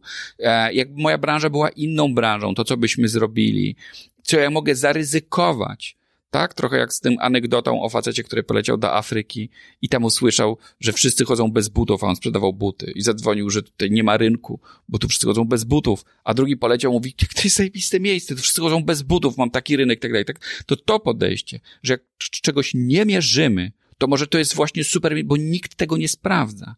Wszystkie darmowe narzędzia są przeorane. Tam nic nowego nie znajdziemy. Tam w ogóle nie ma już nisko wiszących jabłek. Tam coś komuś może odpalić, ale jeżeli ktoś za darmo rozdaje narzędzie, który sprawdza, trzymajmy się tego przykładu, otwieralność maili, znaczy tam już nic nie ma do odkrycia. My możemy je wziąć i myśleć, mmm, mm, ile maili mamy pootwierane, ale nic z tego nie będzie. Bo to jest po prostu przetyrane już. Natomiast pytanie, z czego my nie bierzemy, tak? To jest tak, jak mówisz, że statystyka jest jak bikini, że pokazuje fajne rzeczy, ale najfajniejsze jest to, czego nie pokazuje. Czyli czego my nie mierzymy czego na co jeszcze nikt nie wpadł. I my nawet nie musimy tego mierzyć, tylko zobaczymy, czy to działa, tak? I od czasu do czasu ktoś ma jakiś taki rewolucyjny pomysł. Nie wiem, żeby na przykład nie pytać użytkowników, tylko coś zrobić samemu, bo tylko dlatego, że tego nikt nie zrobił. I, i, i takie patenty działają równie często jak tyranie tych samych liczb, nie? I próba znalezienia korelacji. Czy jak mnie czytają, czy słuchają na przykład 52-letnie kobiety z małych miasteczek, to, to co to właściwie znaczy? Czy ja powinienem do nich kierować przekaz, czy właściwie do nich nie? Bo one już czytają. No to już jakby pozamiatane, nie? To może teraz ja reklamę zrobię dla kogoś innego. To nie jest prosta odpowiedź. I, i a, powiem jeszcze o jednej smutnej historii e, związanej z tym marketingiem, który pokazuje, bo, bo my też rozmawiamy, jak się nie przetyrać tymi informacjami i tego, że lepiej jest się zastanawiać nad tym, co ja bym chciał zrobić, szukać rzetelnych informacji, głębokich, ciekawych, w humanizmie, w przygodach innych ludzi, a, zamiast crunchowania. Gdybym ja był pracownikiem Google'a, teraz się dopiero narażę, to te wszystkie konferencje, o których się mówi, jak w kreatywny sposób zaistnieć w AdWordsach, bym po prostu ściął. Bo Google'owi zależy na jednym. Jak zapłacisz więcej hajsu za reklamę, to ona powinna być bardziej dostępna. A nie jakiś kurna pomysł, że jak ja zrobię na zielono z robakiem, to to się wiralem poniesie. Jakbym się tylko dowiedział, że coś zielonego z rybakiem się poniesie, to bym to ściął, dlatego że to obcina zasięgi osobom, które uczciwie płacą bo to jest firma komercyjna. To nie jest żadna fancy firma od robienia śmiesznych tak. wirali. To jest firma, która żywotnie zarabia hajs na tym, że jest monopolistą na rynku reklamy w internecie praktycznie. I to jest prosta sprawa. Ja mogę zrobić dwa seminaria o tym, jak być kreatywnym w internecie, a państwo z Google powiedzą jedno. Za 50 tysięcy dolców zajedziesz każdego wirala, który jest. I my ci obiecujemy to. I ja mi dziękuję i o to mi chodziło. I to tak ma wyglądać. I, i taka jest smutna prawda. My, co prawda, myślimy o tych wszystkich organizacjach, że one są takie fancy, mają tam wesołe literki i tak dalej, i dlatego pewnie one unikają, tak jak um, Zuckerberg mówi, że Facebook to nie jest firma, tylko community e, i tak dalej. Ale to są realnie monopoliści, którzy po prostu doją hajs. I im jest nie na rękę, że powstaje jakaś sprytna idea, która się niesie, a próbuje pokryć. Google mówi wprost, ja mógłbym na przykład wykupić dać więcej pieniędzy na pozycjonowanie niż firma, która pozycjonuje się w jakiejś branży. Niech to będą na przykład szyby do okien i można wpisać nazwę tej firmy, a i tak na pierwszych dwóch stronach wyjedzie moja. To jest strategia Google'a. I jak gdybym ja był prezesem, to bym się tego trzymał. Co mi obchodzi, że ktoś nie wychodzi? Ja nie po to uzyskałem tę pozycję na rynku reklamowym, żeby teraz ktoś sprytny, kto zrobi reklamę z czerwonym kapturkiem, bo jest artystą, go poniosło wiralem. A ten, kto zapłacił, przyjdzie, panie, to zapłaciłem to jakiś kurna za darmo, czerwony kapturek koślawy, jechał po prostu w wyszukiwarkach. My przepraszamy, to już się więcej nie powtórzy. I bach, czerwonych kapturków nie ma. I już, i pozamiatane. I dlatego nasze myślenie o tym, że możemy być w jakiś sposób, jest myśleniem naiwnym, po prostu naiwnym, bo to jest biznes, tam się kręci hajs, a nie dobro ludzkości przynosi że my szanujemy artystów. No szanujemy, ale rozwarstwienie społeczne rośnie, no umówmy się. I wiele osób, już to pewnie też zauważyliście na konferencjach, ma już, zaczyna mieć tego dosyć, że się okazało to, co zawsze, że stworzyliśmy internet, który będzie wolnym miejscem, gdzie będzie wolność, wszyscy będą robić co chcieli, a to się okazało, że kto miał hajs, konkretnie trzy duże firmy, po prostu zassały wszystko, co się tam dzieje. I bez względu na to, co zrobisz, to musisz się podporządkować. I nawet te firmy do, nie do końca wiedzą, jakie mają algorytmy, bo te algorytmy już same permutują. Więc już wiemy, że pracownicy Facebooka, bo się tego przyznali, nie wiedzą, jakie mają algorytmy. Więc, e, bo algorytmy permutują cały czas. Tak? Więc ktoś przychodzi i mówi, że wie, co to wie dużo. W takim razie, żeby nie być obraźliwym, po prostu kantuje, bo, bo duże algorytmy piszą się same. Teraz już, tak? Więc e, i, i taka jest idea. Każda duża organizacja musi zadbać o to, żeby realizować swoje plany biznesowe. A cel biznesowy Google jest taki, że kto zapłaci za reklamę, ten ma większe zasięgi. I tyle. I, a, a nie ci kreatywniejsi z małych, biednych miast mają większe zasięgi. Jak ktoś ma chorą córkę, to będzie miał większe zasięgi. Hmm? No, czy możemy w to wierzyć, ale, ale nie ma co na to liczyć. Tak.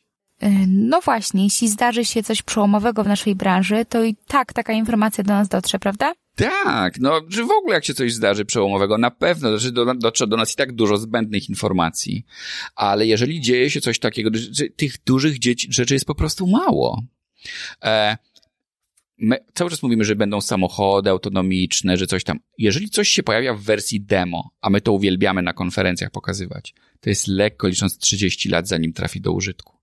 Pierwszy raz samochód ekonomiczny był pokazany w 89 roku. Zdajecie sobie sprawę z tego? I one jeszcze nie jeżdżą do końca. Tylko po niektórych drogach. Więc to naprawdę, biznes nie lubi takich inwestycji. Grafen w Polsce się wyłożył. Grafen nawet na świecie on się wyłożył. Grafen, ośrodek w Manchesterze jest głodującym ośrodkiem, dlatego że biznes inwestuje w rzeczy, które dadzą zwrot za dwa lata, a nie za 15. A już nie mówię, że za 30.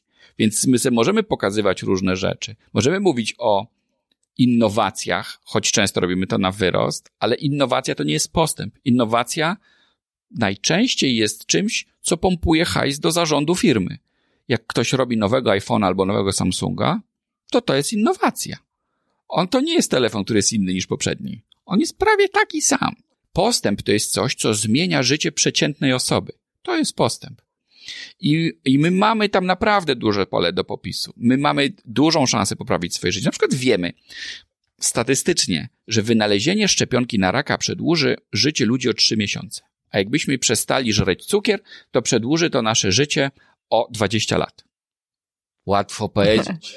jak leżą pączki. No właśnie. No właśnie. tak? Więc jest no dużo właśnie. rzeczy, których my możemy już coś zrobić i wiemy, co zrobić. Wiemy, że jak mniej pracował, to jak więcej pracował, a jak więcej spał, to coś, jak zdrowiej jadł, to coś tam. Naprawdę jest w tym grzeć. My nie potrzebujemy takich innowacji i tak dalej. To nas oczywiście skaża, bo jak wszyscy mają nowe telefony, no to wypadałoby, żebyśmy my też mieli, bo mają o pół procenta lepszą stabilizację obrazu, a to już będzie na socialach, jak będziemy fidować. W związku z tym to musimy zrobić, no tak, no ale też nie oszukujmy się, że głupio się zamknąć w klasztorze tam w Tybecie i umrzeć w samotnie. Życie musi być też trochę fajne, nie? Więc też lubimy się trochę obłożyć zabawkami ale we wszystkim umiar, no i, i, i wyszukanie każdej innowacji i myślenie, że to teraz się coś zadzieje, to jest kompletnie nieprawda. Takie rzeczy się nie dzieją od razu. Te rzeczy się dzieją bardzo powoli. My się nimi karmimy i cieszymy się. Co, co się stało z drukarkami 3D? Gdzie one wszystkie są? Jak mieliśmy już dawno kubki se robić, tak? I talerze w domach. No I e, co się stało? To jest, ma, znaczy, za każdym razem, jak o tym myślimy, to to jest lekko licząc 30 lat, zanim to, wo- jeżeli w ogóle coś z tego będzie. A tak prosto drukarka 3D. A co z designem? A co z prawami autorskimi? Jak ja bym mógł wziąć sobie każdego dowolnego Rosenthala i wydrukować w domu, to hello, to by było już w ogóle nie ta historia, na której nam zależy, nie? Poza tym nie wszyscy są kreatywni, każdy chce czekać. To, to, to, to wszystko fajnie wygląda z daleka i fajnie się tym karmimy, bo, bo to się fajnie ogląda, ale większość z tych rzeczy jest kompletnie bezużyteczna. One po prostu są i my się zastanawiamy, co z nimi zrobić. I dlatego, tak jak powiedziałaś, Gosia, to jest tak, że tych, tych, mm, no nie ma tam, jak, jak coś naprawdę się pojawi, będzie to narzędzie, którego wszyscy używają, no większość narzędzi, których używamy, to są narzędzia, które są już jakieś archaiczne, zwłaszcza w erze cyfrowej. No, Office, no to już jest pra, prahistoria w ogóle. To już w ogóle ludzie nie wiedzą, skąd on się wziął i w ogóle jaka, a my ciągle jednak w tym Wordzie klepiemy. Niektórzy nawet tam próbują dużo w nim załatwić. W Excelu już nawet widziałem, że ludzie robią prezentacje też w Excelu, co, bo już daje takie możliwości. Oczywiście są nowe aplikacje odrobienia prezentacji, tak? Które tam robią animacje, one tam wiele upraszczają. I to jest w sumie fajne. Nie każdy ma umiejętności prezentacyjne, więc ludzie sobie tam, one są znośne wtedy, nie? Bo jakby każdy miał robić Keynote albo w, albo w PowerPoincie, to niektóre są nie do zniesienia. A jak ktoś z animacjami, które same się robią, to jeszcze możemy przeżyć. Ale to jest ciągle promil postępu. E, to nie są jakieś takie gigantyczne rzeczy.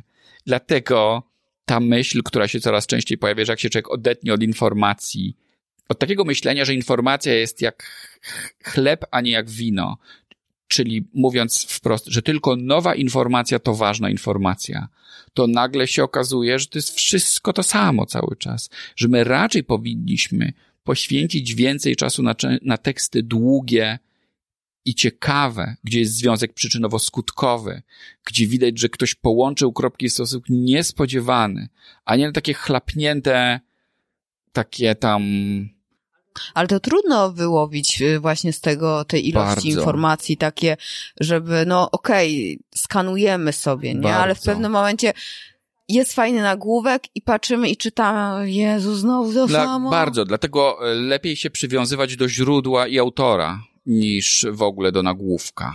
Tak, są takie miejsca, gdzie, gdzie tekstów jest może na przykład mniej, ale ciekawsze, albo autor wrzuca teksty krótkie, ale też nie zawsze one będą super górnolotne, bo nie da się takiej produktywności u siebie wygenerować dłużej ciągle, ale będą to teksty, które dają do myślenia, które nie mają wyraźnego morału, które na przykład zadają takie pytanie, że jeżeli wszyscy mierzą to samo i uprawiamy kapitalizm karaoke, to co to znaczy? Że, jak, jak, Mhm. że jeżeli wszyscy używają tych samych narzędzi, to co to znaczy? I on tak zostawia, nie takie dwa zdania napisze. I, I jak znajdujemy takiego autora, to wrzucamy do takiej sakiewki dziennego, dziennej dawki leków na rzeczywistość, tak? Tam, kto, która jest. A, a niekoniecznie to na pewno nie jest tak, że ilość przechodzi w jakość. To jakby się nażreć mnóstwo frytek i uważać, że jak zjedliśmy dużo, no to, to już musiało coś być to znaczące. No bo jakby już w tych frytkach na pewno się jakaś witamina przykleiła, nie? Nie jest właśnie tak. Jakość informacji jest coraz gorsza.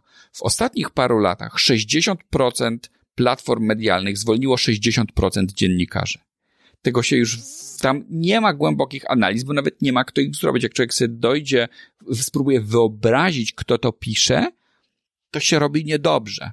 I w jakich warunkach. Bo od czasu do czasu coś tam gdzieś zaświta i przepisze, ale najczęściej mm, mm, mm. po prostu no, tyle się nie dzieje, no. Na świecie się tyle nie dzieje. Dokładnie. A jeszcze mam takie pytanie, bo faktycznie, no tutaj mamy ten, ten, zalewają nas informacje, z drugiej strony e, cały czas piszą o tej produktywności, że musimy być produktywni, z drugiej strony o jakiejś motywacji, tutaj jakieś takie, naprawdę jest, pełno jest tego wstawiać. O piątej to wtedy będziemy milionerami Tak. i właśnie, czy, czym jest ta produktywność? Bo to właśnie nie jest ta ilość, nie? Tylko właśnie znowu jakość. No, ja myślę po pierwsze, że każdy ma swój Everest i niektórzy się mogą zmobilizować do mniejszego wysiłku, a inni do większego i każdy sobie powinien tę swoją gumę naciągnąć. Jeżeli ktoś jest chorobity, słaby, jest generalnie apatyczny, to może nie będzie mega przebierał tymi nóżkami, ale jak na niego guma będzie naciągnięta. I trzeba uczciwie sobie na to spojrzeć. Jak jestem troszkę zmęczony, to powinienem się zmusić. Jak jestem bardzo zmęczony, to powinienem odpocząć, tak? Tak jak jest generalnie zasada. Czy jak ja coś chcę, to to jest na pewno dobry pomysł, to też jest druga zasada. Natomiast jeśli chodzi o produktywność i to, to ona się wzięła trochę z XIX wieku. My wiemy skąd ona się wzięła. Wzięła się z tego, że w pewnym momencie w historii świata pojawił się taki pomysł, że jak będziemy pracować więcej, to będzie lepiej. I krótko mówiąc, ludzie zaczęli od tego umierać. A najpierw w fabrykach obcinali se ręce, bo byli nieuważni, potem zaczynali chorować, brali dużo L4, więc zaczęliśmy obcinać dzień pracy. W biznesie też. Bo gdyby tak nie było, to byśmy po 12 godzin pracowali i jeszcze by było za mało, gdyż biznes jest chciwy. E, natomiast okazało się, że nie, że potrzebujemy takich działów jak dział HR, który na przykład spowoduje, że ludziom będzie trochę miło też w pracy. Bo okazuje się, że jak nam jest trochę miło, to my też lepiej, nie jak bardzo. Jak nam jest bardzo miło, to jesteśmy bezproduktywni zupełnie, ale jak nam jest trochę miło, to nam się chce. Potrzebujemy też znaleźć sposób, i to w sposób, że jak już jesteśmy w tej pracy parę godzin, to żeby z tych paru godzin wycisnąć jak najwięcej. I od tego momentu pojawił się taki efekt produktywności, ta idea produktywności, która z każdej strony jest podsycana różnymi pochodnymi ideami, na przykład mitem merytokracji, który jest pochodną tego, o czym powiedziałaś. Mit merytokracji zakłada, że zdolni osiągną więcej. Nieprawda. Niestety nie. Najwięcej to osiągną ci, co mają szczęście.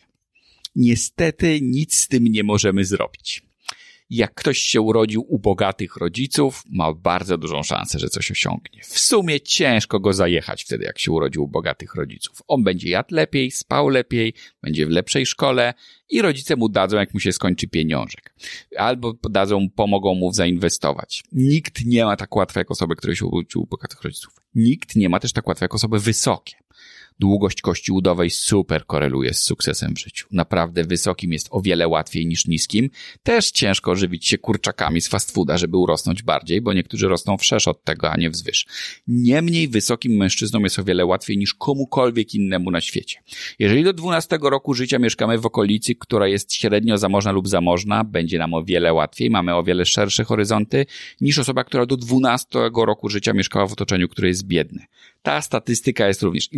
Tych statystyk jest masa i one pokazują, że my wykluczając szczęście z życia, próbujemy założyć, że jak się człowiek wysili, to to jest wszystko możliwe. Niestety nie jest. Niektórzy naprawdę robią wszystko, co trzeba i dzieje się im źle.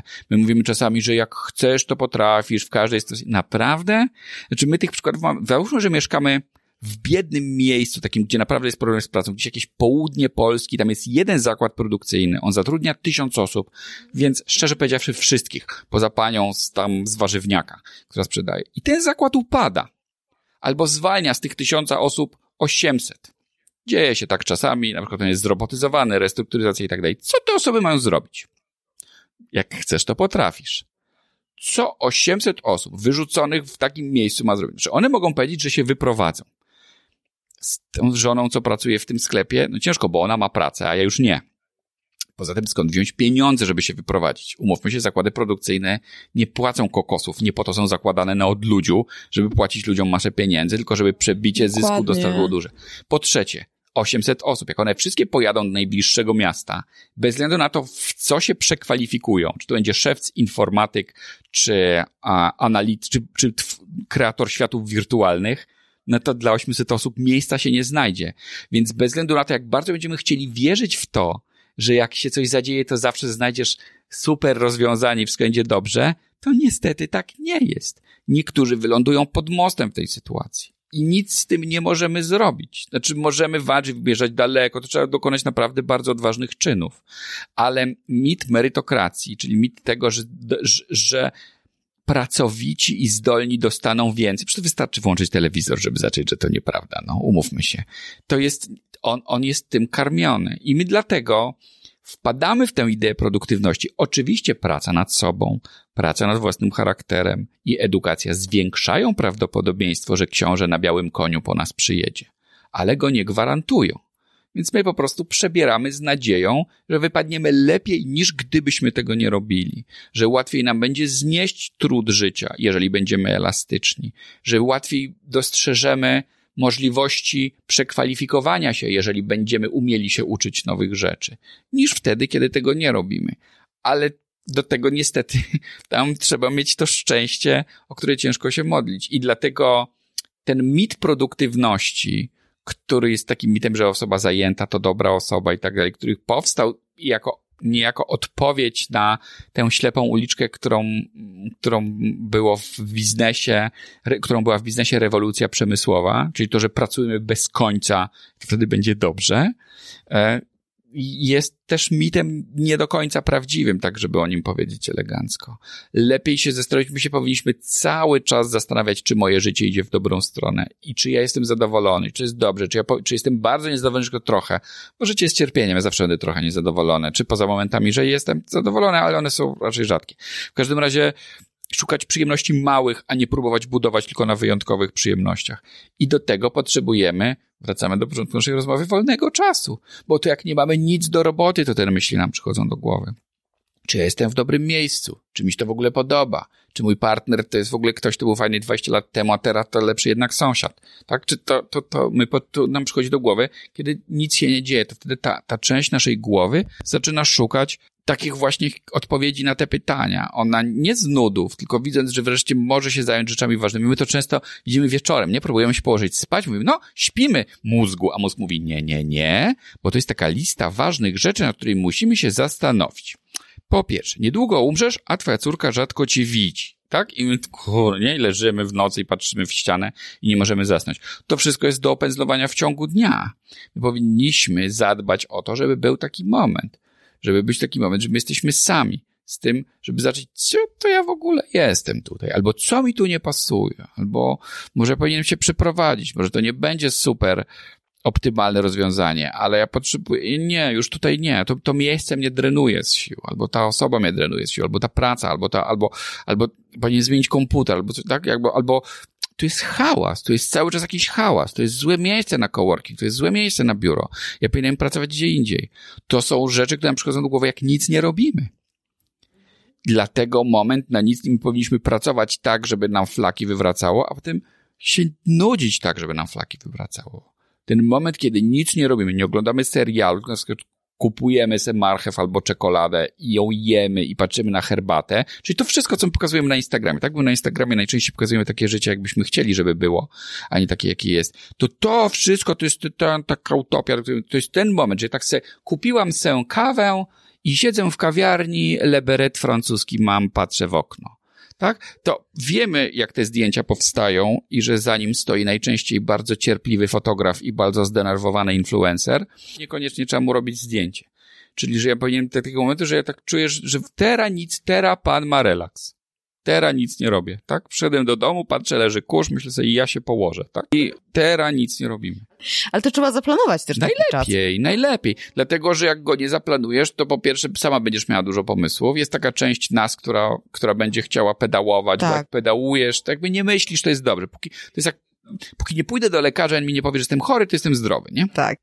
Więc jak nie słyszę, co ja sam do siebie mówię, to znaczy, że nic mi nie jest. A druga sprawa jest taka, że ja też muszę się nauczyć literalnie stawiać granice innym ludziom, którzy też będą chcieli z różnych powodów spowodować, żebym ja nie miał wolnego czasu. Bo na przykład czują się bezpiecznie, jak jest za nich pozałatwiany. Albo na przykład myślą sobie, on ma wolny czas, na przykład Gosia ma wolny czas, a ja nie mam. I ja na przykład mieszkam z Gosią, co ta Gosia tak siedzi? Myślę, a ja nie siedzę.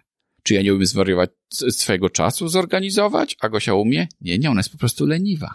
Ja wolę obronić swoje ego, niż się nad tym zastanawiać. Tak. I Więc ją dziubię, tą gością. A co tak? Siadłaś, co? Co siadłaś? A pewnie sieć, ja pozmywam wszystko, oczywiście. Ty masz robić, ja dziecku pomogę, oczywiście. Odpoczywaj sobie tak, tyleż, tyleż. Wszystko ja tu za ciebie zrobię. Nie wiem, tak, i my zaczynamy w końcu się zastanawiać, kurna, może rzeczywiście źle, że ja tak siedzę, nie?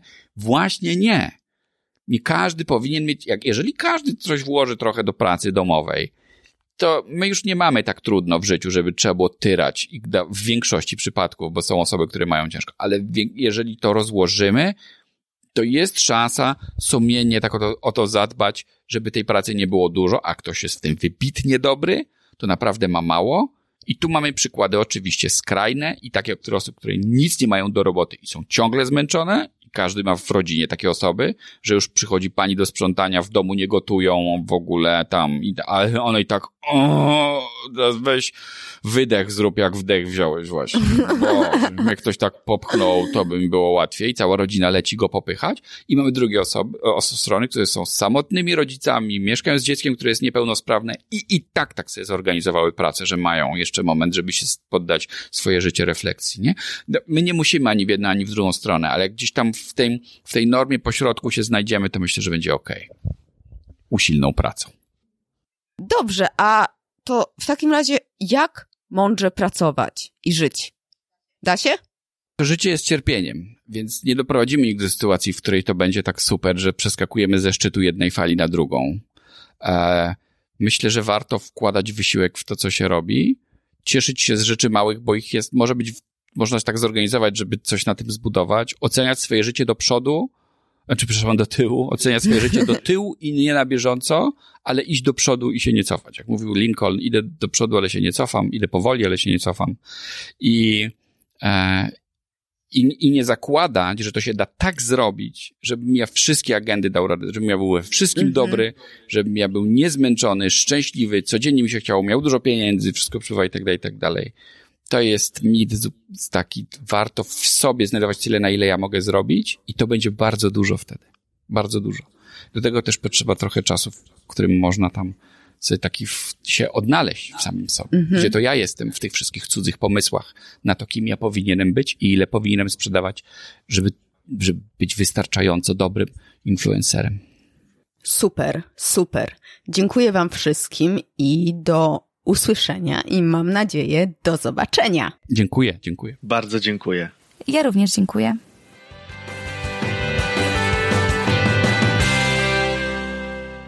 Mam nadzieję, że słuchało Ci się tej rozmowy równie dobrze, jak nam się rozmawiało z panem Miłoszem.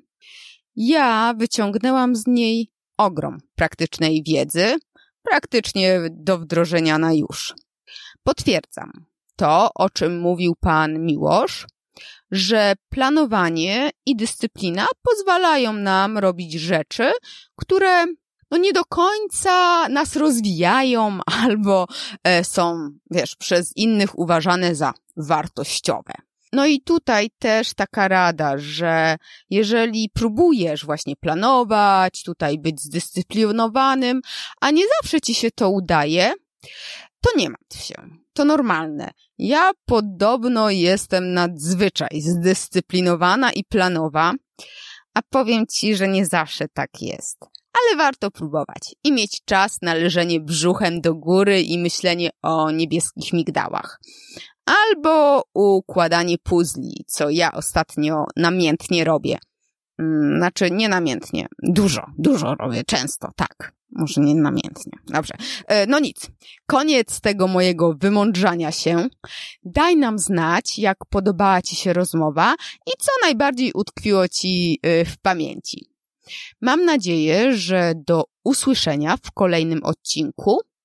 A dodatkowo mam taką prośbę. Będzie mi bardzo, bardzo miło, jeśli podeślesz link do tego odcinka osobom, które chciałyby posłuchać tej rozmowy e, pana Miłosza, być może powinny posłuchać albo mm, coś po prostu z niej e, wyciągną dla siebie.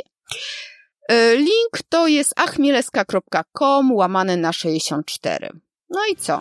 Trzymaj się radośnie i zdrowo. Hej, pa! Dziękuję Ci za wysłuchanie tego odcinka podcastu. W notatkach znajdziesz linki do stron, książek czy narzędzi, o których wspominałam. Zapraszam Cię także na mój blog achmieleska.com łamane na blog. Jeśli uważasz, że ten podcast może być pomocny także innym osobom, poinformuj ich o nim, a także zostaw opinię na iTunes. Niech konwersja i uśmiech będą z Tobą.